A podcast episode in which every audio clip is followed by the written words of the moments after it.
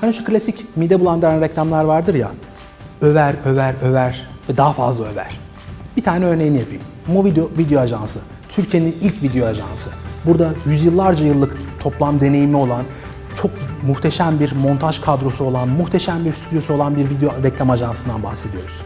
İşte sizin e, kurumsal çözümlerinizi, ihtiyaçlarınızı hızlı bir şekilde çözebilecek muhteşem bir ajans.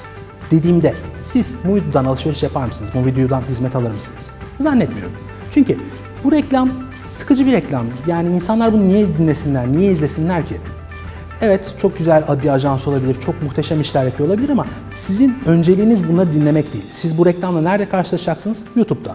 Nerede karşılaşacaksınız? Facebook'ta, Instagram'da.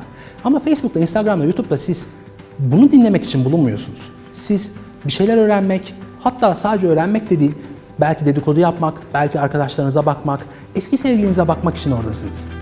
Orada bulunma sebebinizden çok başka bir konuyla alakalı reklamlar duymak sizi rahatsız edecektir. O yüzden pazarlama yapmak, o bizim ilk bildiğimiz anlamla e, işte elimde görmüş olduğunuz bu ürün diye mevzuya girmek çok da işe yaramıyor. Artık native ads dönemindeyiz. Doğal reklamlar. İnsanlar sizin reklam yaptığınızı anlamadan reklamlarınızı almalı ve algıları değişmeli. Bunu en güzel influencer marketing çalışmalarında görüyoruz.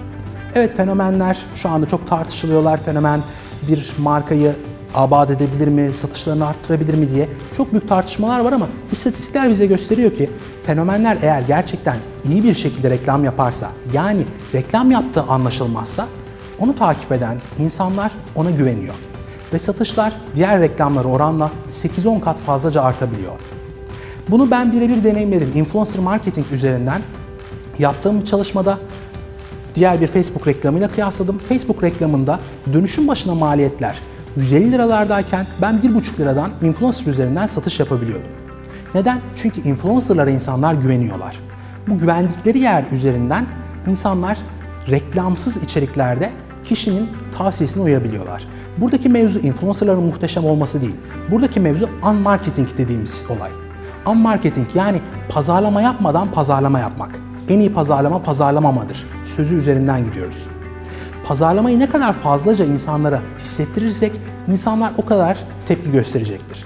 Ne kadar fazla satış yapmaya çalışırsak o kadar geri tepecektir. İnsanlara ısrar etmek yerine insanların ihtiyaçlarını çözdüğümüzü söylememiz gerekiyor ve bunu inandırmamız gerekiyor.